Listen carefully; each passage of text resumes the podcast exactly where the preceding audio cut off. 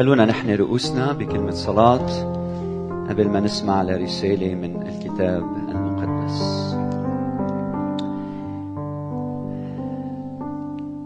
صباح جديد نباركك. نمجد اسمك يا ملك الملوك ويا رب الأرباب. نشكرك أنك حاضر في هذا المكان المقدس. أتينا بفرح نسجد ونعبد. ونقدم لك الإكرام والسجود والعبادة أنك إله تستحق. أعطيت حياتك من أجل الإنسان الخاطئ. نباركك أيها الرب. نصلي بهاللحظات ونحن بحالة السجود أمامك. من أجل شعبك الساجد. من أجل كل مشاهد. كل شخص. كبير وصغير رجل وامرأة. كل من هو محتاج إليك في هذا العالم أن تجذب مئات ألوف الناس إليك. أنت قلت هانذا واقف على الباب وأدق الباب. إن سمع أحد صوتي وفتح أدخل إليه أتعشى معه وهو معي. شكرا يا رب لأنك تتوق إلى الشركة معنا. نفتح قلوبنا بهيدا الصباح المبارك. لك يا رب ادخل إلى حياتنا. نعطيك المجد والتسبيح والعبادة والإكرام. نشكرك لما صنعت من أجلنا. نباركك. نباركك أيها الفادي والمخلص والمحب. شكرا يا رب لأنك أنت حاضر وهذا يكفينا. أن تكون حاضرا في حياتنا. يا ليتك يا رب تبارك العائلات الأفراد الكبار والصغار وكل مشاهد وكل من يسمع باسم المسيح. آمين. آمين. تفضلوا. تفضلوا. أهلا وسهلا فيكم. ابتدأنا الأسبوع الماضي سلسلة عنوانها العبادة. العبادة القلبية لإله محبته أبدية. لما نحكي عن العبادة العبادة دايما بتقسم الجماعة قسمين. قسم يلي بيفرح ومع ومركز وبهمه الموضوع والقسم الثاني يلي هالأمور ما بتعني له كثير تصوروا معي فتاة بتحب رجل مغرومة برجل جميل جدا روعة أخلاقه سلوكه كلامه شاب طلي غير شكل. مغرومة فيه للآخر. وتصوروا معي إنه على التلفزيون حاطين برنامج وفي مذيع وعم يعمل مقابلة مع هيدا الشخص. وحدا قاعد ببيته عم يحضر تلفزيون وصل هالبرنامج ما بيعني له شيء ما بيعرفه لهالشخص قاعد بينقل على محطة تانية وثالثة هلأ تصوروا معي هيدي الفتاة يلي قاعدة ببيتها وقاعدة عم تحضر تلفزيون مش عارف شو بده يجيها وعم تنقل من إذاعة لإذاعة وفجأة بتطلع حبيبي يلي بعشق وحبيب قلبي. عشيقي كيف بتركز؟ بتنقل على محطة تانية. شو بتعمل؟ كل عينيها وانظارها وتركيزها على مين؟ على هذا الشخص يلي بتعشقه وبتحبه. نحن لما نجي لحتى نعبد نحن يلي منحب الرب يسوع المسيح. إذا حدا بيحكي عن يسوع شو بيعمل فينا؟ بدوب لنا قلوبنا لأنه منحبه من كل قلوبنا له كل المجد إلى الأبد. أمين. العبادة هي التعبير عن حبنا لمن أحبنا. لماذا؟ لأنه يسوع رفعنا إلى مستوى البنين والبنات. فينا نعبر عن حبنا لإله. نحن هلأ منا عبيد. نحن بنين وبنات. نحن أبناء الله بيسوع المسيح. ومش بس منعبر عن حبنا منقدم له الطاعة وتقديمنا للطاعة له هو إعلان أنه يا رب نحن بدنا نصير مشابهين صورة ابنك يسوع المسيح. بدنا نكون أبناء على صورة ابنك يسوع المسيح بطاعة كاملة لشخصك المبارك. اليوم عايز أعطي عنوانا لماذا؟ لماذا نعبد الرب؟ لماذا؟ الأسبوع الماضي حكينا عن ماذا هي العبادة. اليوم لماذا نعبد الرب. وبدي هالعنوان العريض تحت منه عندي ثلاث أسئلة وبدي جاوب عن هالثلاث أسئلة. السؤال الأول هو ما هو الدافع يلي بخليني أعبد؟ لماذا؟ شو الدافع؟ السؤال الثاني شو هي الغاية؟ شو اللي بخليني أعبد؟ شو الغاية؟ شو الهدف؟ والسؤال الثالث ما هي النتيجة من العبادة؟ لكن السؤال الأول هو ما هو الدافع الذي يدفعني للعبادة؟ رح أعطيكم الجواب من الأول. الجواب لهيدا السؤال شو هو الدافع يلي بخليني أعبد؟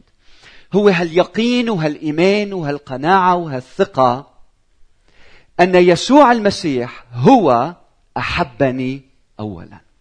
افتحوا معي رسالة يوحنا الأولى الفصل الرابع ابتداء من العدد الثامن. واحد يوحنا رسالة يوحنا الأولى الفصل الرابع العدد الثامن وما بعد. ومن لا يحب لم يعرف الله. من الآخر. لأن الله محبة. لأن الله محبة. بهذا أظهرت محبة الله فينا أن الله قد أرسل ابنه الوحيد إلى العالم لكي نحيا به. في هذا هي المحبة. البعض منكم منه مركز. خلينا نسمع لكلمة الرب. في هذا هي المحبة. ليس أننا نحن أحببنا الله بل أنه هو أحبنا وأرسل ابنه كفارة لخطايانا. بعدين العدد 19 يقول نحن نحبه لأنه هو أحبنا أولا بعد مرة كلنا سوا. نحن نحبه لأنه هو أحبنا أولا. فمحبتنا للرب هي تجاوب لمحبة الله لنا. محبة الله يلي فينا هي يلي بتدفعنا إنه نحب. فنحن ليه منحب؟ شو يلي بيدفعنا إنه نحب؟ أنه هو أحبنا اولا. وهيدي المحبة أحبائي هي محبة متجسدة. الله يلي تجسد بيسوع المسيح حبنا إلى هذه الدرجة ليعلن لنا أن الله ليس فقط فوقنا والله ضدنا عندما نخطئ إنما الله معنا وقربنا ولأجلنا وفينا وفي وسطنا. ففي محبة الله نكتشف أن الله ليس فقط فوقنا إنما لأجلنا أيضا. إجا لحتى يعطيك الغفران. الكفارة أعطى حياته من أجلك ليعطيك الرجاء والإيمان والخلاص والغفران والرحمة والنعمة. كلهم هودي فاضوا من خلال محبة الله للإنسان. فكر معي بمحبة الله. قديش الله بحب الإنسان؟ إذا مش قادر تستوعب هالمحبة فكر بخطية عملتها بأكبر خطية ارتكبتها. أسوأ خطية قمت بها. فيك تفكر معي هلا؟ يلي جلبت لك العار والذل يلي قرفت من حالك نتيجة هذا العمل. يلي لما عملت هالخطيئة قلت أنت أنا ما بستحق كن ابن ما بستحق كن إنسان. أنا أقل من إنسان. خطية جلبت لك العار لما بتتذكرها بتقول كيف ممكن أنا أعمل هيك؟ كيف ممكن أني أكون عملت هيك أو رجعت عملت هيك؟ عم بتفكر بهيدي الخطية؟ البشعة يلي سودت حياتك. هيدي الخطية الرب يسوع المسيح بالصليب حملها وحمل عقابها وغفر خطاياك وسامحك على هالخطية السيئة يلي عملتها. ولما بتفهم محبة الله لإلك بيولد فيك حب نحوه. كلنا خطاط خبركم شو صار معي من أسبوعين. كيف خطيت وشعرت بالعار وكيف بعدين اختبرت حب الله. كنت أنا وزوجتي واولادنا رحنا نقضي نهار مع بعض كنت مسافر وصار لي وقت ما قضينا وقت مع بعض. فرحنا نمنا بمكان وكانوا الاولاد عم يلعبوا وأنا قاعد عم أتفرج على اولادي وعم أحكي أنا وزوجتي. بعدين بتطلع بشوف بنت عمرها تسع سنوات قاعدة هيك لوحدها وعم تطلع علينا كأنه بتلعب مع أولادي. عيطت لها قلت لها تعي شو اسمك أنت؟ قلت لي اسمي كذا. أنت من وين؟ قلت لي نحن من سوريا وجينا على لبنان. خبريني عنك شوي وين بيك؟ قلت لي من سبع سنين بيي تركنا وراح على أمريكا وهلا هلا ما اتصل فينا. وأنا مشتاقه لبيي قلت لها طيب وين أمك؟ قالت لي أمي ما بشوفها كثير بتشتغل عارضة أزياء مبتوعة قبل التنتين بعد الظهر. قلت لها أنت عايشة لوحدك؟ قلت لها أنا عايشة مع الخادمة. فطلعت فيها قمر هالبنت الحلوة. قلت لها بدي خبرك عن حدا بحبك كثير وخبرتها عن الرب يسوع المسيح. وهي وعم تسمع فتحوا عينيها هيك وبشوق كانت عم تسمع. قلت لها يسوع قال دعوا الأولاد يأتون إلي لأن لمثل هؤلاء ملكوت السماوات. ففرحت وسمعت آخر شيء مسكت إيدها وصليت لها. من بعد ما صليت لها قلت لها أنت أمك بتقري لك بالإنجيل؟ قلت لها لا عندك إنجيل؟ لا. قلت لها أنت باقية هون؟ قالت لي أنا نهار السبت جاية لهون لأنه عندي عيد ميلاد حدا صديقة لإلي. قلت لها لما تيجي نهار السبت بتسألي على بقاعة الاستقبال رح أترك معهم كتاب مقدس مصور لإلك لحتى أنت تقري فيه بحياتك. قلت لها عندك رقم تليفون؟ قال لا أهلك ما بتعرف ومشي الحال وبعدين وما رجعت شفتها. جيت على البيت تاني نهار نهار التنين ثلاثة قلت أنا بدي أعمل هالعمل. حكيت مع شخص يساعدني لأنه المكان بعيد إنه ياخذ كتاب مقدس ويوصله لهونيك. بعدين بعد نهار وتاني نهار أنا نسيت راح عن بالي الموضوع إطلاقا. اجى نهار السبت اجى نهار الأحد الصبح وعيت أنا هيك من النوم وتذكرت. تذكرت إنه ما بعثت الكتاب المقدس لهالفتاة يلي كانت بشوق ناطرة إنه تاخذ كلمة الرب. وشعرت بهالعار. قلت أنا بيا خزلها إما خزلتها وهلأ يلي خبرها عن يسوع المسيح خذلها. كيف بعد بدها توثق بالناس؟ صرت أبكي تألمت تألمت. قلت له يا رب دخيلك. شاعر بعار. شاعر إنه هيدي فرصتي لحتى أكون بركة لهالبنت التهيت بأمور كثيره وما عملت اللي هو أهم. إني اوصل كلمة الرب لهالفتاه يلي جاية ورح وبانتظار إنه تاخذ كلمة الرب. من بعد يومين رجعت بعت لي كتاب المقدس على هالمحل وكتبت اسم عليه وقلت لهم يمكن تجي بنت عمرها تسع سنين أعطوها هذا الكتاب. اتصلت قبل من يومين آه، بعد ما رجعت بعد ما إجت لتاخذ كتابها. لما تتأمل بالإنسان قد شو خاطئ قد بالعار يلي بيكسينا بسبب الخطية جيت لعند الرب قلت له يا رب ما بعرف شو بدي أقول لك. أكثر من عشرين سنة بالإيمان بعدني مش قادر التزم بكلامي. بعدني مش قادر طيعك طاعة كاملة. أنا إنسان خاطئ أنا إنسان بعيد عنك أنا إنسان ما عم طيعك. ليك هالفرصة الذهبية اللي كانت عندي ما قدرت طيعك فيها. وهون بتشعر بصوت إلهي بيقول لي أنا بحبك. أنت ابني.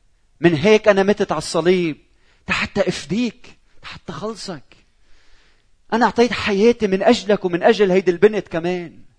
أنا بحبك وأنا مش بس بقدر حررك من هالخطية أنا كمان بقدر أرجع ابني ثقة بهيدي البنت من خلال شخص آخر بيتعرف عليها.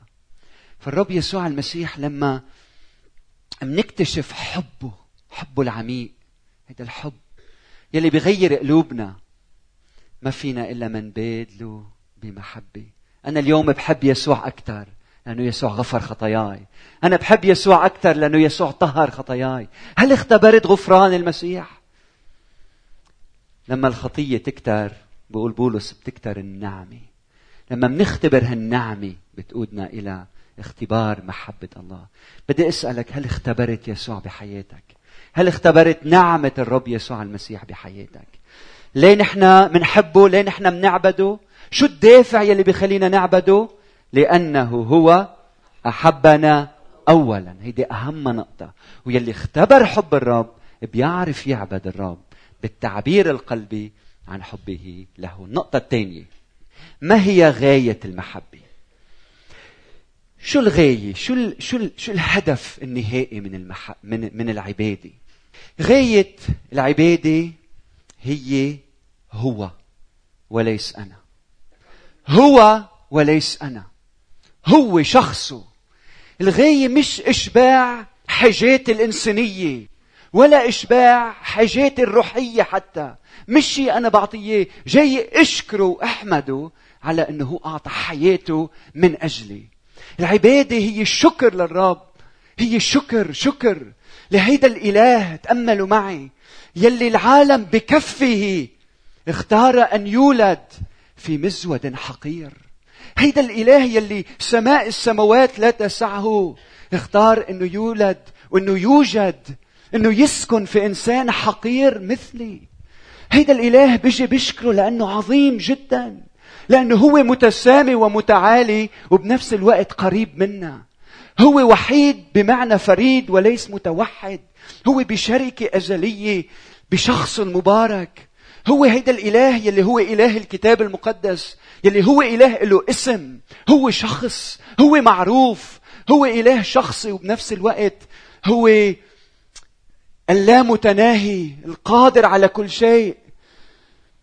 اللاهوتي باسكال بيقول إنه إله الكتاب المقدس إله إبراهيم وإسحاق ويعقوب إله غير إله الفلاسفة لأنه إله الفلاسفة إله غير شخصي.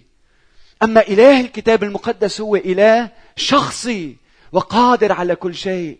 هو منفصل عن الإنسان لكن منه منعزل. هو إله فوق الكل وبنفس الوقت يختار أن يكون قريب منا. هو إنسان لا يحتمل الخطيئة. ولا فيه خطيئة لكن يعانق الخاطي مثلي ومثلك. هو إله عظيم جدا نجي نشكره ونسبح اسمه من أجل هالمحبة. هالمحبة اللامتناهية بنفس الوقت هو قداسته كاملة. وبيجمع بين محبة لا متناهية وقداسة كاملة.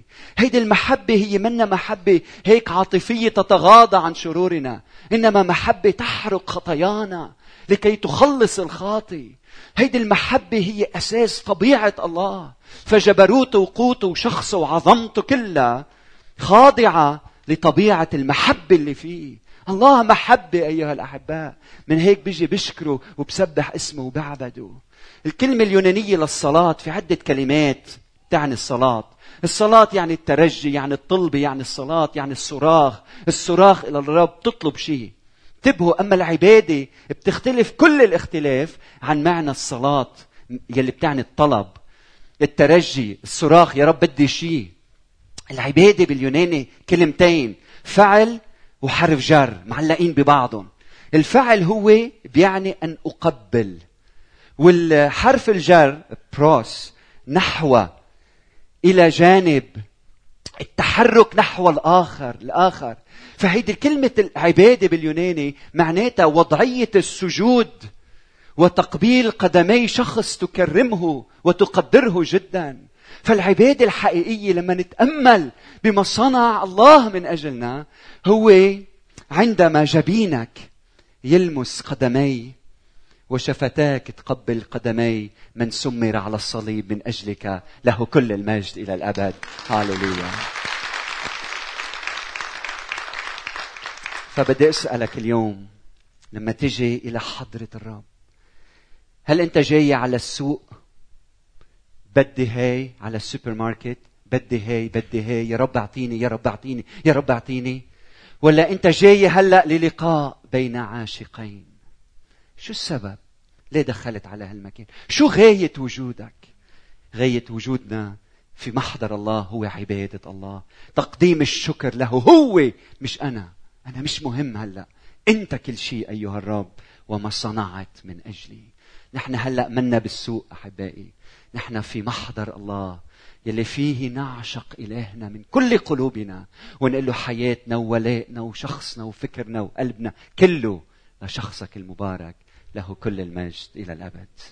إذا بتتأملوا معي بهالنص يلي قرأ علينا من المزامير مزمور 145 لاحظوا كم مرة آه، الكاتب المزمور عم بيوجه حديثه إلى الله وكيف دايما عم بيقول له أنت ك هو التركيز على شخصه مش عليه هو. اسمعوا اسمعوا معي بعد مرة. بقول أرفعك يا إله الملك أرفع نفسي؟ لا. بالي بحالي لا. أرفعك يا إله الملك. وأباركك أبارك اسمك إلى الدهر والأبد. في كل يوم أباركك وأسبح اسمك إلى الدهر والأبد. العظيم هو الرب وحميد جدا وليس لعظمته استقصاء عم بيمجد عم بيمجد شخص الرب. الدور إلى دور يسبح أعمالي أعمالك. وبجبروتك يخبرون. بجلال مجد حمدك. وبأمور عجائبك ألهجوا. بقوة مخاوفك ينطقون. وبعظمتك أحدث ذكرى كثرة صلاحك. يبدون وبعدلك يرنمون. الرب حنان ورحيم طويل الروح وكثير الرحمة. الرب صالح للكل ومراحمه على كل أعماله.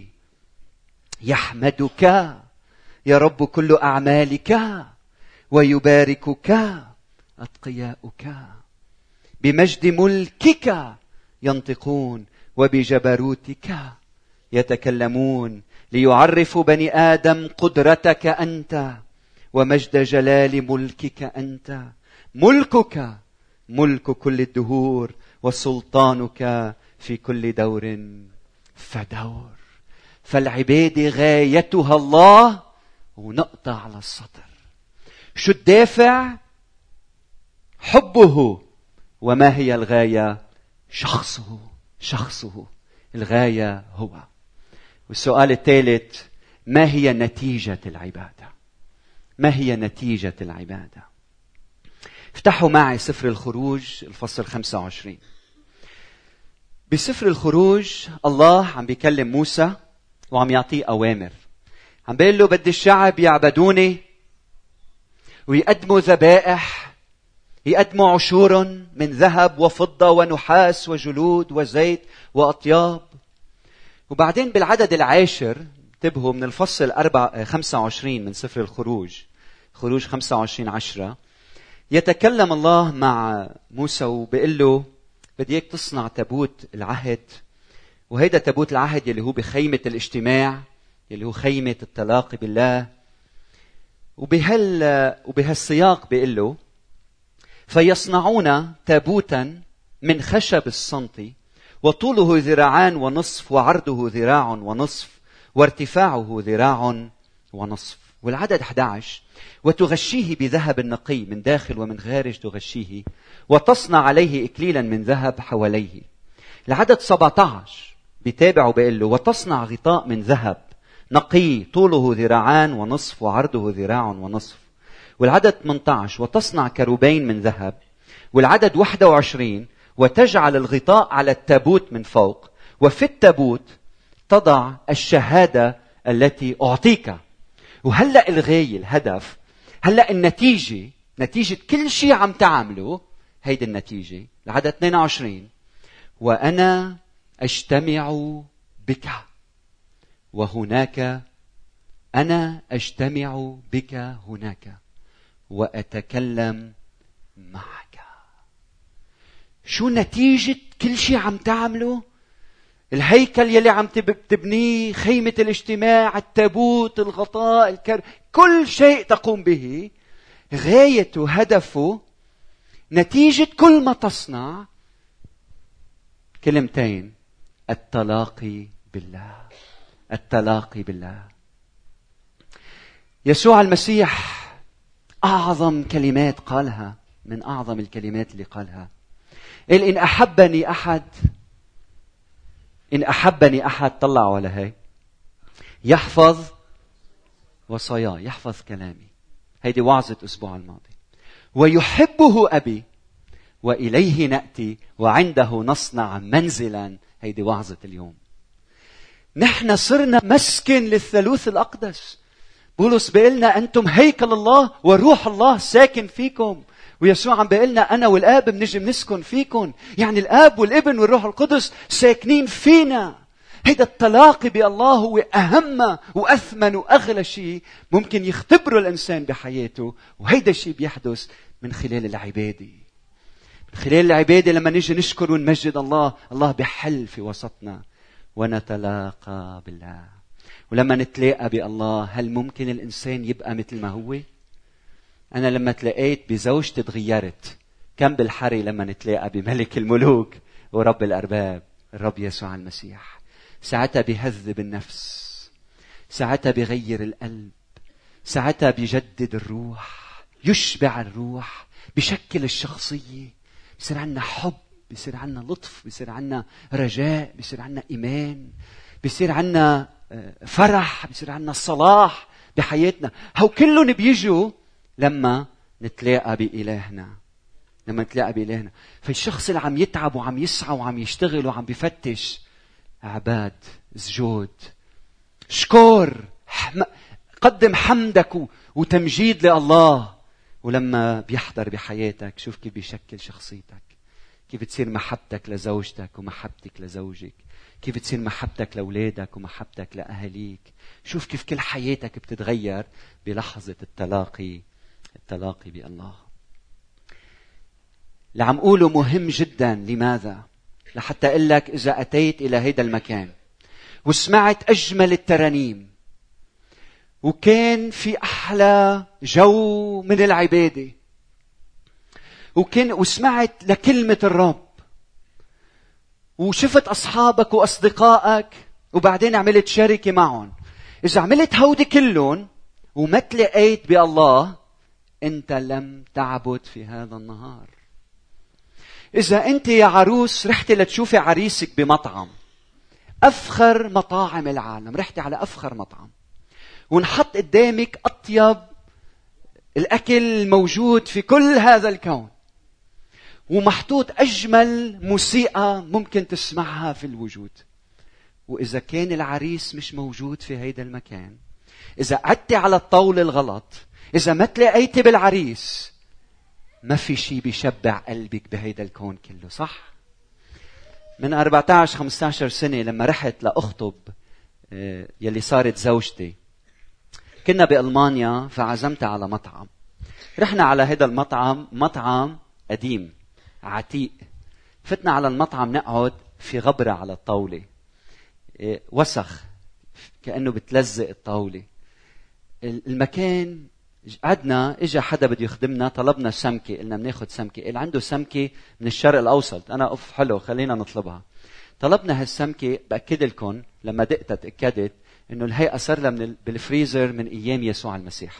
هالقد قديمة وعتيقة. فبلشنا ناكل. الأكل مش طيب. ما في موسيقى ما في شيء بال... ما في شيء بهالمطعم بشجعك ترجع تدخل عليه. وما كان في حدا بالمطعم إلا أنا وهالصبية لأن إحنا غربة والهيئة كل الجيران بيعرفوا شو هو المطعم. لكن شبع قلبي بتعرفوا ليه؟ لأنه تلاقيت بعروستي. وعروستي شبع قلبها بتعرفوا ليه؟ لأنه تلاقيت بعروسها أهم شيء في العبادة أن نتلاقى بالله. بدي أسألك اليوم هل أنت كل ما تعبد عم تتلاقى بإلهك؟ عم تتعرف على إلهك؟ عم تشعر بحضور إلهك؟ أهم شيء في العبادة نتيجة العبادة أن نتلاقى بالله وهلأ بعض الأمور التطبيقية لحياة كنيستنا وكنائس أخرى الخادم دعوته الأولى هي للعبادة أنا الرب دعاني لأقوم لأقوم بأمور عديدة، أنا الرب دعاني يكون أب. قبل منا دعاني يكون زوج. قبل منا دعاني للخدمة. الرب دعاني لكون خادم رعية بمنطقة معينة. الله أعطاني مواهب متنوعة مثل ما بيعطي كل واحد منا. هالمواهب المتنوعة أنا بمارسها بحياة كنيستي. وبمارسها وبيجي وبكل أمانة بجرب إني طيع صوت الرب ومارسها لكن بدي أذكركم شغلة لما تطلعوا فيي يلي بيهمني أكثر شيء إنكم تعرفوا أنه أنا لما نسجت من البطن ولدت في هذا العالم أنا ولدت لكون عابد ليسوع المسيح. لأكون ساجد للرب يسوع المسيح. فأهم من كل شيء إنك تقول هيدا الشخص هو عابد هو ساجد لله. فدعوتنا الأولى الله خلقنا نحن على صورته. عندنا انجذاب لشخصه باستمرار. كل واحد منا عابد. لكن سؤالي هل نحن بنعبد الإله الواحد الحي يلي أعلن عن ذاته بشخص الرب يسوع المسيح؟ فالخدام بيناتنا قادة التسبيح يلي بيعزفوا يلي عم بيقوموا بدورهم. لما ما بيكون عندك خدمة هل منشوفك بالكنيسة؟ معنا؟ عم تعبد معنا؟ ولا أنا قائد تسبيح بس لما أقود بكون موجود. لما ما أقود بختفي. لا أنا عابد قبل ما أقول قبل ما أكون قائد تسبيح يلي بيعزف. كل واحد منا يلي بيخدمه. إذا أنت بس دايما حول هيدا المكان عم بتساعد وعم تخدم وعم تعمل أمور وما عم بتكون بحضرة الله. ما عم تتلاقى بالله لأنك منشغل بأمور كثيرة والمطلوب واحد إنك تكوني إنك تكون عند أقدام ساجد عند أقدام الرب يسوع المسيح. فالراعي يلي بيجي أو الواعظ يلي بيجي قبل بخمس دقايق من الوعظة شو عم بيقول للناس؟ عم بيقول للناس أنا وعظتي أهم من العبادة. أنا جاي بس حتى أقوم بواجبي. أنا مش جاي تأعبد. يلي بيجوا على كنيستنا إذا أنت بتيجي بس لتسمع الوعظة أنت مش جاي لتعبد. أنت جاي بس بدك تعبي راسك. نعم نحتاج. نحتاج لأنه نسمع لكلام الرب لأنه الرب بده يغيرنا. بس كمان الرب عم بيقول لك بوقت العبادة بوقت التسبيح بدي اياك تكون ساجد عم تشكر. ما بعدنا عم نقول العبادة هي التعبير عن حبنا. فقبل ما يقول لك الرب من خلال كلمته إنه بحبك أنت لازم تكون عم بتحضر حالك قبل ما تسمع لصوته. خليه يقول لك شعور بكيانك بداخلك عم تحمد وتسبح وتمجد اسم الرب. فنحن بنجي تنعبد مع بعض من خلال التسبيح والصلاة والإصغاء للكلام المقدس. بعدين أنا الخادم دوري إني ساعد الناس إنها تعبد الرب. مش مهم أنا شو كيف هلأ. مهم الناس شو تعمل؟ تعبد الرب. يلي عم يلعب على الدرامز أو يلي عم بيدق على الجيتار مش مهم إذا الدرامز عالي ولا واطي. شو المهم؟ إنه الناس تتلاقى بالله. إذا اللي عم بيقول عم يلعب على الدرامز بيقول أنا خيي ما بدق إلا بهذه الطريقة وبهالعلو شو بيكون عم بيقول؟ أنا ما عم أعبد إلهي. أنا عم أعبد موهبتي. أنا بالي بحالي مش بالي بالآخرين. كيف بتعرف إذا يلي عم يخدم هو عم يعبد ولا لا؟ من خلال طاعته. من خلال طاعته للقياديين بالكنيسة. إذا عنده طاعة هي علامه إنه بهمه مجد الله مش مجده. بهمه إنه نعبد الله نتلاقى بالله ومش نتلاقى فيي. الأمر الثالث المهم أو الرابع شو دور القائد؟ شو دور الخادم؟ بدي أذكرك بدورك. أيام بتفكر أيام بنفكر إنه أنا دوري مهم بالكنيسة. كلنا مهمين كأشخاص بس انتبه. الخادم بحب خبر هالقصة قصة رافي قائد التسبيح بيناتنا. قبل ما الرب يدعيه ليكون متفرغ للتسبيح والخدمة واللي بيعمله بالكنيسة كان خادم ضيافة بمطعم. فكان دوره ويتر خادم ضيافة بيجوا الناس بيقعدوا لياكلوا. هو شو بيعمل؟ بيجي بيوقف باحترام بيطلب منهم آه، شو بتحبوا تاكلوا؟ بعدين بحضر لهم الأكل وبيجيب لهم الأكل. صح؟ رافي ما كان عارف إنه لما الرب دعاه للخدمة ما دعاه إنه يغير وظيفته إنما يغير مكان وظيفته. رافي قائد التسبيح الخادم الأمين. هو بعده خادم ضيافه لكن هلا عم يخدم عروس عم تتأمل بعريسها أو عريس فرحان بعروسته. فنحن الخدام نحن الخدام نحن الجرسونية نحن الخدام. ما اسمنا خدام. نحن نخدم الضيافة. الرب يسوع المسيح هيدا العريس جاي يتقابل بعروسته. وعروسته جاية مزينة ومهيئة لعريسها صح؟ ولما تكونوا قاعدين مع بعضهم شو شغلة الخدام بالمطعم؟ شو بتحب تشرب؟ كيف فيني ساعدك تعشق عروستك؟ كيف فيني ساعدك تعشقي عريسك؟ صح؟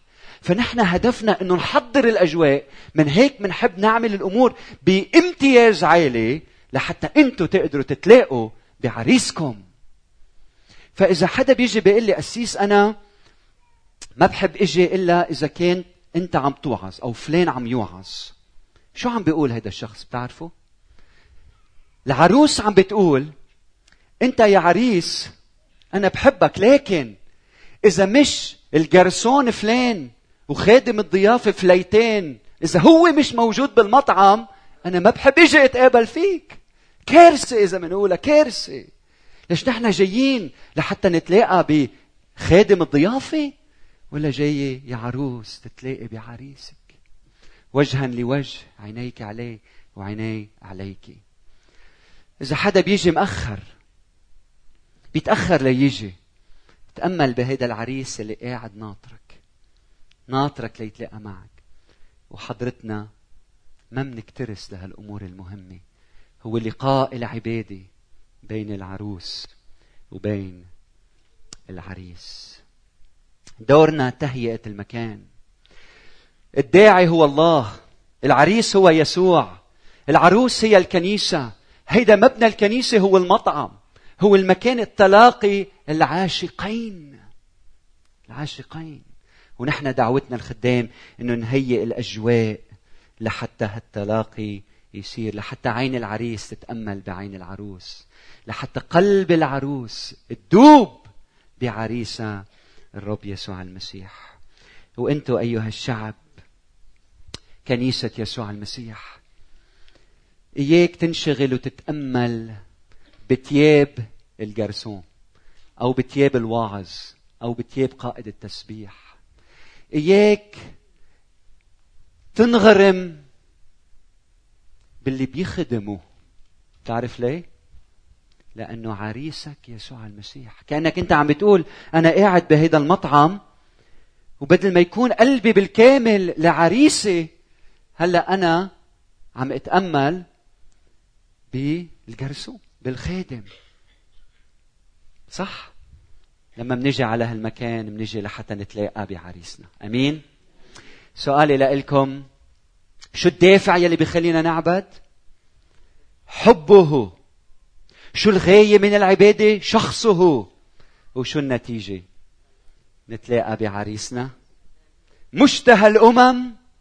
الرب يسوع المسيح. ولما بنتلاقى فيه بحل ملكوت الله. وإذا بدكم أكثر من هيك بيبدأ عرس الخروف. هاليلويا